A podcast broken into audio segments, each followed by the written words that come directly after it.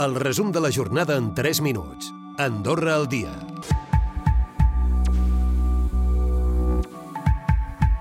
El mes d'agost començava amb la rúbrica d'un document del Pacte d'Estat per assolir l'acord d'associació amb la Unió Europea, sense pel moment en principi la signatura de la Concòrdia, que s'emplaça fins setembre per prendre una decisió.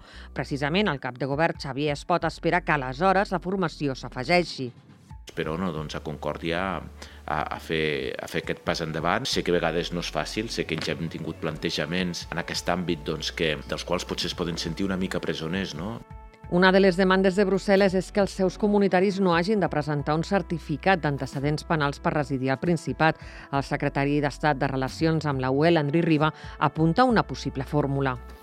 El mateix comportament que pugui tenir una persona en un territori mm, com el d'un gran estat membre eh, difereix de quan aquest mateix comportament es produeix en un país de petita dimensió territorial.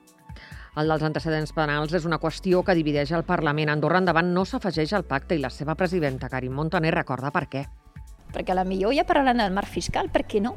amb una directiva futura. No, no se sap mai, eh? per tant eh, hem de vigilar perquè una vegada que s'ha firmat l'acord i que l'acord duaner estarà a dins, tindrem un problema. I Unió Lauredeana doncs, s'ha adherit tot i les reticències de Josep Pintat i la presidenta del PS al Consell, Judit Salazar, advertia de la feina que queda per venir. Aquí és on arribarà eh, realment la feina forta del pacte d'estat i l'intentar assolir consensos. I ben aviat es disposarà d'un sisè recurs d'acollida per víctimes de violència de gènere. Els cinc pisos actius tenen una ocupació del 60%. La cap d'àrea d'Igualtat, Mònica Álvarez, explicava que permeten evitar situacions de risc.